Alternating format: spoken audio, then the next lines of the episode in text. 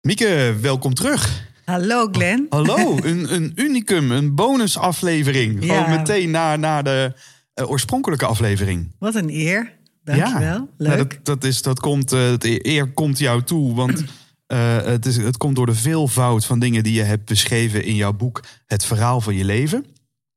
Mensen die dit voor het eerst horen, kan ik dus ook eh, ten zeerste aanbevelen om eh, de vorige aflevering eh, terug te luisteren. Daarin eh, hebben we het een anderhalf uur gehad over het verhaal van je leven. eh, en, en waarom we een homo fabulans zijn, eh, een, verha een verha- verhalen vertellende mens. En, en hoe onze perceptie op het leven eigenlijk kan maken en breken. Vat ik dat zo samen? ja, ja. En, en één ehm, onderdeel wat we niet hebben aangeraakt in het interview... en wat ik nu graag nog met je wil onderzoeken... zijn de archetypes in je verhaal. Kun je ons kort meenemen in de verschillende maskers... die wij als mens kunnen dragen? Ja, nou zijn archetypes geen maskers, hè? Ik schrijf mee. Ja, nee, want dat is nou juist het mooie. Kijk, wij, eh, eh, wij hebben het leven eh, presenteert ons bepaalde zaken en daar hebben we een respons op. Ehm, eh, bij de een kan dat leiden tot het activeren van een weeskind of een gewond kind. En bij de ander wordt dan juist de strijder wakker. Uh, dus, er, dat zijn, dus archetypen zijn eigenlijk energieën, drijfveren, aspecten in onszelf. die vervolgens wel een deel van ons masker zouden kunnen gaan uh, uitmaken. Dus je hebt mensen die zich zo hebben geïdentificeerd en zo, zeg maar, de voedster, hè, als een van de archetypen, het, het, het ultieme voedster-archetype, wat alleen maar zorgt voor anderen. Uh, wat alleen maar, uh, alleen maar aan de ander kan denken. Die hebben zich daar zo mee geïdentificeerd dat ze niet anders meer weten dan dat zij de voedster zijn. En je hebt van die oermoeders, hè, die, die, hun, die met zoveel toewijding en liefde voor die kinderen. en dan ook nog luizenmoeder zijn en voorleesmoeder en, en opvangmoeder en, en noem alles maar op. En dan, uh, en meegaan op schoolreisjes. En uh, dus volkomen toegewijd. En fantastisch koken. Ook nog in de leukste verjaardagspartijtjes geven. En op een zeker moment gaan de kinderen de deur uit. Hmm. En dan, uh, ja, dan verliezen ze hun identiteit. Want dan weten ze niet meer wie ze zijn. Ja. Dus dan moeten ze zichzelf opnieuw uitvinden. Ja. En dan moeten ze dus een ander, iets anders in zichzelf wakker maken. Een nieuwe, nieuw, iets nieuws aanboren. En dat jezelf opnieuw uitvinden, dat moeten we allemaal van tijd tot tijd. Hè? Op het moment dat er zich een wending voordoet of er vindt iets plaats waar je niet op gerekend had, dan moet je iets aanboren in jezelf waarvan je soms denkt: ik wist niet dat ik het in me had. Ik heb bijvoorbeeld gezien bij, uh, bij mannen dat ze op, op het moment dat ze vader worden, dat er ineens een vaderfiguur op staat.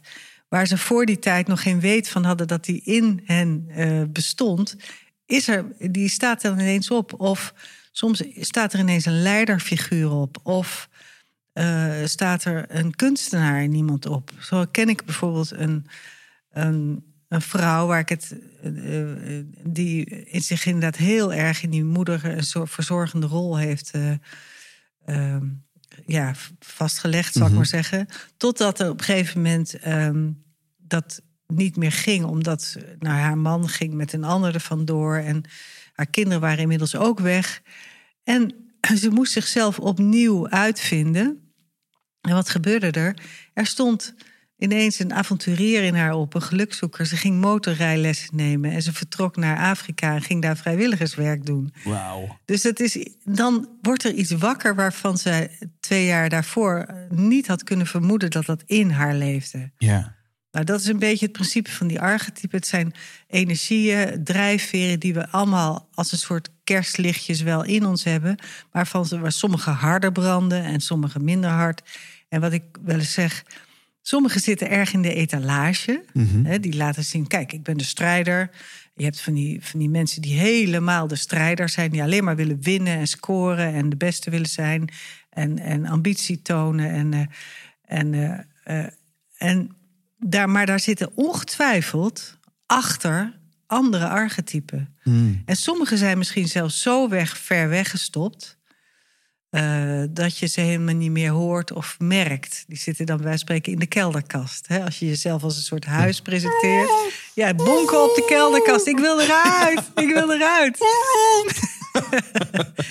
ik wil een schilderij maken. Nou, zoiets. Precies. Ja. Dus je zegt hier, we hebben dus allemaal delen in ons. Ja, Eh, en tegelijkertijd, los van de delen, en dan denk ik even ook een meer, meer psychologische kant. Hè. We hebben het ego-deel en bepaalde schaduwkanten. En, Ja. eh, maar tegelijkertijd vervullen we ook gewoon letterlijk bepaalde rollen. Dus Ja. de rol van de moeder hoor ik je Ja. nadrukkelijk als voorbeeld geven. En dan soms kan iemand zich zo vereenzelvigen met, Met zo'n rol. Ik ben zo, ik ben die rol. Alleen, ja, sommige rollen hebben ofwel een houdbaarheidsdatum... of er verandert iets in je leven. Precies. En dan, en dan komen die mensen in een enorme persoonlijke crisis terecht. Ik moet ook een beetje denken aan topsporters. Ja eh, die, die voor goud gaan eh, op de Olympische Spelen. Maar dus alles aan de kant moeten zetten... om willen die gouden plak te kunnen halen. Maar dan ben je ineens 33 en dan heb je gewoon... En dan de- wat? en dan wat? Ja. En dan heb je, zie je er echt een aantal mensen een soort zwart gat vallen. Ja, ja. Omdat heel hun leven waren ze geïdentificeerd met topsporter. En dat, ja, dat is dan klaar nu of zo. Ja. Dus er zit. Dus ik zat ook inderdaad te zoeken wanneer wordt het problematisch. Nou ja, kijk, die archetypen die, die ik beschrijf, en die heb ik van Carol Pearson. Eh, dat zijn twaalf archetypen. En die hebben natuurlijk hun kwaliteiten. En eh, we ontwikkelen ze ook in de loop van ons leven, als het goed is, allemaal wel een beetje. Eh, maar sommige zij worden zo dominant dat ze hun valkuilen gaan vertonen. Dus bijvoorbeeld, het is heel fijn om een groot stuk onbevangen kind in je te hebben. Hè? Dat nog optimistisch kan zijn en vrij en kan genieten en kan spelen. Maar als dat te dominant is en te zeer aanwezig, dan kan het ook een beetje onnozel en naïef worden. Ja. En een beetje zo'n blije eikelachtige eh, gedoe. Weet je wel? Weet ik, ja, kom eens met je pootjes op de grond. dus, eh, en datzelfde geldt voor, eh, voor al die andere archetypen. Die hebben ook hun schaduwkanten. Eh, die, eh, die, ja, eh, die kunnen optreden als ze te veel ofwel ja, op de voorgrond komen en te veel. En inderdaad, als je je te veel mee identificeert, misschien. Of, ja, Maar al die archetypen hebben dus een positieve intentie. ja, maar als het te veel wordt, als ze te nadrukkelijk het podium krijgen, dan, dan zit daar die schaduwkant die dan omhoog komt. ja. Kun, je een, kun je nog zo'n voorbeeldje geven? Nou, Dus denk aan nu- Trump bijvoorbeeld. Vind ik nou zo'n voorbeeld van een uit de bocht gevlogen strijder. Die dus alleen maar eh, wil winnen. Eh, en, en voor zijn persoonlijk gewin gaat. Dat is de valkuil van de strijder. Van ik ben de beste. eh, ik heb die ambities. Dat zijn mijn doelen. En ik ga voor persoonlijk gewin. Terwijl de oorspronkelijke strijder, dus de echte strijder, de zuivere strijder, die gaat voor het hogere doel. Hmm. Dus die gaat voor het welzijn van. eh, dus eh, dat je de strijder in jezelf ontwikkelt is belangrijk. Hè? Ik heb twee jongens, eh, twee zoons. En ik weet wat, toen ze uit de bescherming van, de, van het huis op het schoolplein moesten gaan opereren, moest ik af en toe tegen ze zeggen: je moet van je afbijten. En je moet voor jezelf opkomen en je grenzen aangeven. Dus het is heel goed om die strijder te ontwikkelen, maar laat hem niet te dominant worden. ja. Dus, En hetzelfde geldt voor bijvoorbeeld eh, de gelukzoeker. Mhm. De gelukzoeker is iemand die zegt: Ik wil erop uit, ik wil even ergens anders gaan kijken. Ik wil eens gaan kijken hoe het eh, aan de andere kant van de wereld is, of aan de andere kant van de heg, of eh, weet ik een beetje bij. En maar als de gelukzoeker te dominant aanwezig is in je systeem, dan blijf je maar zoeken. En blijf je je hele leven weer een workshopje, weer een verhuizing, weer een nieuw huis, weer een nieuwe partner, weet je wel. Dus ja, nooit de op- disruption, nooit genoeg. Die, Precies. die nooit geniet van. Dus er zit is. ook bij iedere archetype een soort plotvraag. Zal het de gelukzoeker lukken het geluk in zichzelf te vinden in Hmm. plaats van ergens anders? Ja. Ja, mooi. En dat lijkt dan haast alsof als het dus allemaal delen zijn die we kunnen ontwikkelen. Lijkt wel alsof het dan twaalf karaktertrekken zijn die, die mits in goede balans. Of, Ja. of kan het zo dat sommige mensen hebben gewoon. Ik, ik bespeel niet per se al die archetypes. Sommige Nee. die zijn niet aan de hand. Nee, die door zijn de niet context. aan de hand of die, die, zijn nou, die passen niet in jouw eh, structuur of karakter. Of, Ja. Hè, er zijn mensen die hebben niks met, eh, met eh, zeg maar de magier, of die hebben niks met de wijze, of die kunnen echt, die hebben helemaal geen zin om die leidersrol op zich te pakken. Dus nee, het heeft zeker ook te maken met eigenschappen en karaktertrekken. En dus een aantal dingen zijn misschien wel heel erg hangen samen met je karakter. Ja. Ehm, als je twee kinderen of twee mensen hetzelfde eh, met verschillende karaktertrekken hetzelfde eh, laat overkomen, zou ik maar zeggen, dan reageert de een misschien eh, door eh, te gaan knokken en de ander die gaat, eh, die wordt het gewonde kind. Nou ja, Ja. dus afhankelijk van hoe je in elkaar zit en hoe die lichtjes in jezelf opflakkeren. Ja. En hoe, hoe bewust je ervan bent. En Want ze kunnen je natuurlijk ook gijzelen. Wat bedoel je daarmee? Nou, dan haal ik weer even de Odyssee erbij. Eigenlijk zou je kunnen zeggen, Odysseus, die van Troje terug naar Ithaca gaat, die heeft eh, al die bemanningsleden. Hij heeft eerst een hele vloot met heel veel schepen. Eh, nou, dat worden steeds minder, want er vergaan allemaal schepen. En, maar er zijn nog steeds heel veel bemanningsleden en er, er sterven er steeds meer. En eigenlijk gaat het erom dat al die subpersoonlijkheidjes, al die, die, die, die stemmetjes, al die ikjes, die, die soms zo lastig kunnen zijn, eh, dat die overboord moeten om echt bij jezelf uit te komen. Dus ben je daarvan bewust? Maar goed, het is een spel. Het is natuurlijk ook een. Het, het is leuk om je daartoe te verhouden en te zeggen van eh, wat, heeft, wat is bij mij nu dominant? En welke, welke zou ik wel eens wat meer eh, op de voorgrond willen? Ah ja. Welke zou, welke, stel nou, welke zou mij nu goed van pas komen? Mhm. Ik zou wel meer kunstenaar willen zeggen dan de andere. Oké, wat zou er gebeuren als die kunstenaar helemaal in het licht zou staan? Ja, dan zou ik eh, liedjes gaan schrijven en op een podium met een gitaar mensen bezighouden. Of ik, ga, ik zou een galerij, een galerie hebben. Of ik zou gaan schilderen. Weet je wel, dan komen de woeste fantasieën naar Ja. boven. Ja. Dus daarin zie ik een soort mengtafel vormen met Ja. schuifjes. Ja. Dat, dat, dat als ik er bewust van ben, kan ik één schuifje wel meer openzetten. Precies. Eh, waardoor wat gaat effect hebben op die andere eh, schuifjes en volumes. Maar het is niet zo per se dat ze allemaal open moeten staan op vijf. Nee, nee, dit- er zit veel meer. Het mag veel dynamischer zijn. Alleen je moet dus oppassen, enerzijds dat een, een archetype je niet gijzelt. Ja, Ofwel dat ik me totaal identificeer met, een één type. Precies. Eigenlijk moet je een soort eh, afstand nemen, uitzoomen. En dus even kijken naar wat doe ik nou eigenlijk in bepaalde situaties? Hoe reageer ik? Eh welke, welke archetype zit er op die kelderdeur te, te, te bonzen? Ja. Die eigenlijk wel meer ruimte zou willen hebben. Dus dat is een beetje van uitzoomen, afstand nemen en kijken. Ook naar je eigen verlangens en naar je patronen vooral. Want het kan best zijn dat er door een ge- levensgebeurtenis een bepaalde archetype eh, getriggerd is, die nog steeds eh, vooraan zit, maar die, die zou eens een beetje aan de kant moeten. Ja. En is, is het dan daarmee ook een typologie? Want ik weet bijvoorbeeld dat ik volgens mij op jouw website kan ik een testje doen. Ja, En, en, en dan komt er een archetype naar boven.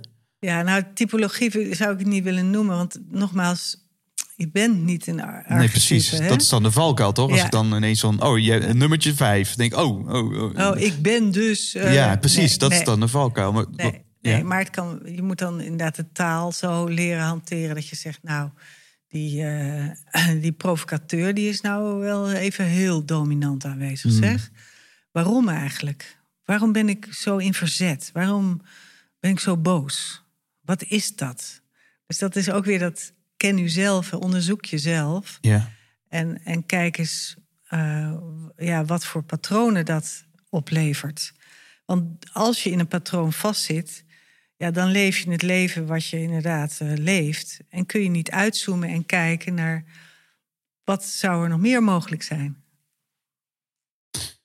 Mooi. En mensen kunnen dus die test doen online. Ja, die Eh, staat ergens online. Ja, We- Weet jij waar, waar ze dat... eh, ja op mijn site, miekebouwma.nl. Site miekebouwma.nl. En dan moet je naar het kopje archetypen en dan moet je even naar beneden scrollen en daar staat die test. Precies. En dan Ja. kun je aan de hand van wat vragen zie je dus dan wat jouw... Ja, en het leuke is dan als je die test doet, Ja. moet je proberen zo ja, niet al te genuanceerd in te vullen. Want dan krijg je namelijk van alles wat. En Ja. dat is ook zo.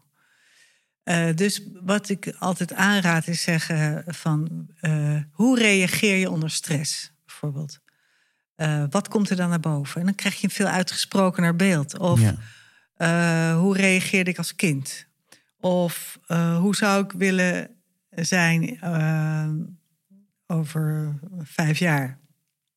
Welke archetypen zijn dan geactiveerd? ja. Dus dan krijg je verschillende beelden. Dus je kan, als, je, als ik die test dus met verschillende Ja, doelvragen invul, krijg ik verschillende archetypes. Maar het zegt wel iets over de perceptie van mezelf. ja. En die bewustwording, dat is het Ja. doel van, van, ja daar van gaat de het test. natuurlijk om. Ja. Van, goh, wat was ik als kind toch eh, altijd boos? Of eh, wat, eh, Ja. wat, weet je wel? Dus dat, daar kom je dan achter en denk je... hé, hey, wat grappig, dat heb ik nu helemaal niet meer. Ja. Of, nou, Als, ik, als ik mezelf als, als voorbeeld neem, ja.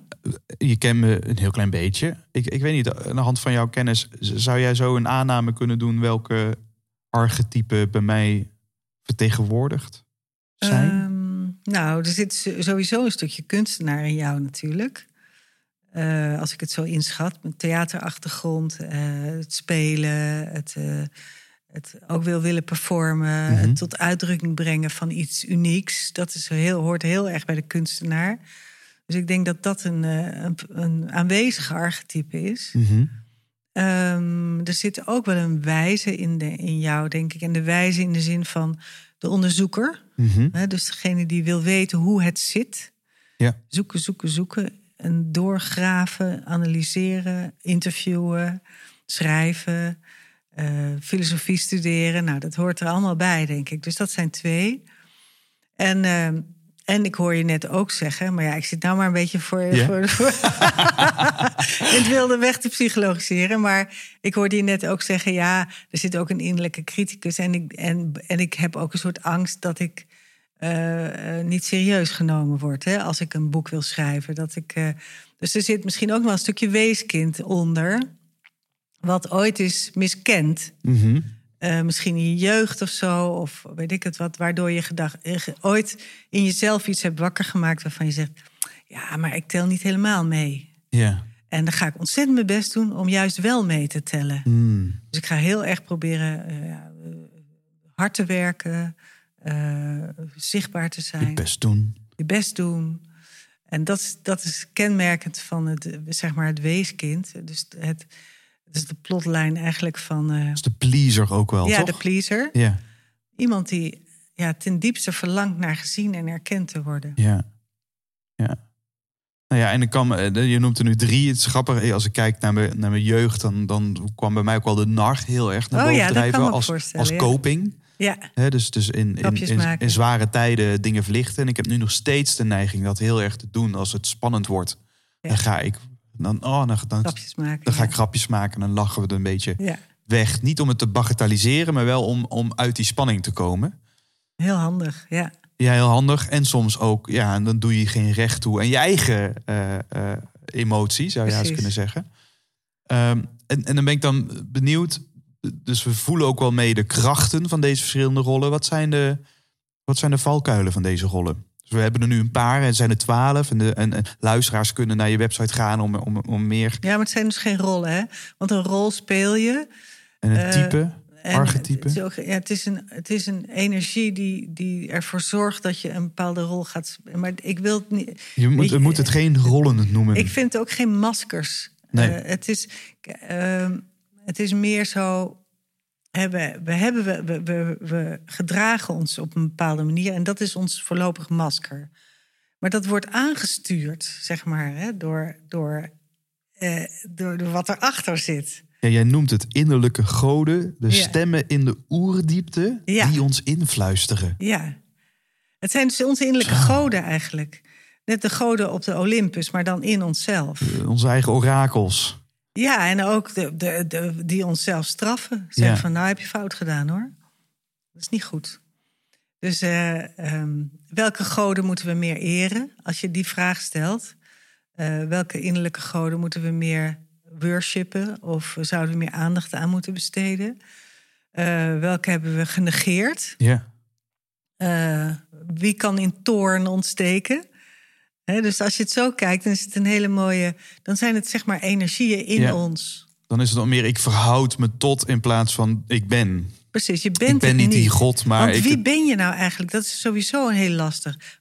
Wie ben ik? Ja, eh, ben ik wat jij nu ziet? Of is of iets wat er door mij heen spreekt? Of, maar wie zit daar dan weer achter? Mhm. Dat Peter de Graaf zegt, ik weet niet of je die kent, die thea- eh, Vlaamse theatermaker, die een fantastisch filmpje heeft op, op eh, YouTube, Just Talking. Zou je ook even moeten kijken in dit kader. Ehm, die zegt, eh, ja, wie kijkt er eigenlijk door mijn ogen? Wat zit daarachter? Niks. niks. en dan niet niks als een groot zwart gat, maar liefde, het al, weet je wel. Dus dat is heel mooi. En eh, dus het is een beetje, het, is het uitzoomen en kijken naar jezelf, hoe je je presenteert en eh, welke stemmen je wat influisteren, eh, wie zorgen voor welke patronen. En als je daar dan een beetje afstand van kunt nemen, dan zeg je, oh, moet je mij nou weer zien, zeg. Wat ik nu weer doe. Hmm. En dan eh, krijg je een soort mildheid ook naar jezelf. ja, ja, dan staat een soort mildheid naar je acties en daden die, Ja. die voortkomen Ja. uit de, Ja. het core wat, wat, wat je toespreekt. Ja, en als je dat bijvoorbeeld, wij, ik heb ook een cursus en dat heet narratief coachen. En dan gaan we, dan leggen we zeg maar het levensmateriaal wat je eigenlijk hebt, een beetje probeer je buiten jezelf te plaatsen, als materiaal te zien waar je mee kan schuiven. Zo van, goh ja, dat had ik dan vroeger en dat heb ik dan nu en eh, hoe zou ik het dan? Weet je wel dat je daarna kunt kijken als iets wat je, nou ja, als een regisseur. ja. De regisseur waar jij het net over had, die regisseur van, je, van, het, van het script. En luisteraars nu welke waar ik het net over had. Dat is niet Ja. in deze, Nee. deze bonus, hè, maar de, de nee, dat is gesprekken die wij ook Ik gevoerd hebben. elkaar. Nee, geen probleem. Maar in ieder geval, dus dan word je wat meer dirigent van, Ja. die, van die stemmen. Precies. Hè, die, Ja. die je influisteren. Ja. Waanzinnig interessant, eh, Mieke. Je hebt er een boek over geschreven, namelijk de twaalf oerkarakters in storytelling. Van storytelling. Van storytelling. En, eh, nou, en ook in je boek eh, Het verhaal van je leven ga je daar uitvoerig op in. De twaalf archetypen in je verhaal.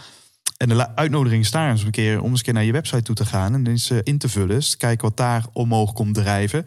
Niet om je te vereenzelvigen, Niet om je te typeren. niet om je te typeren. Maar meer om eh, als, als hulpmiddel om nog eens een keer extra goed naar jezelf te kijken en jezelf te leren kennen. Precies. Mieke, dankjewel. Alsjeblieft, Glenn.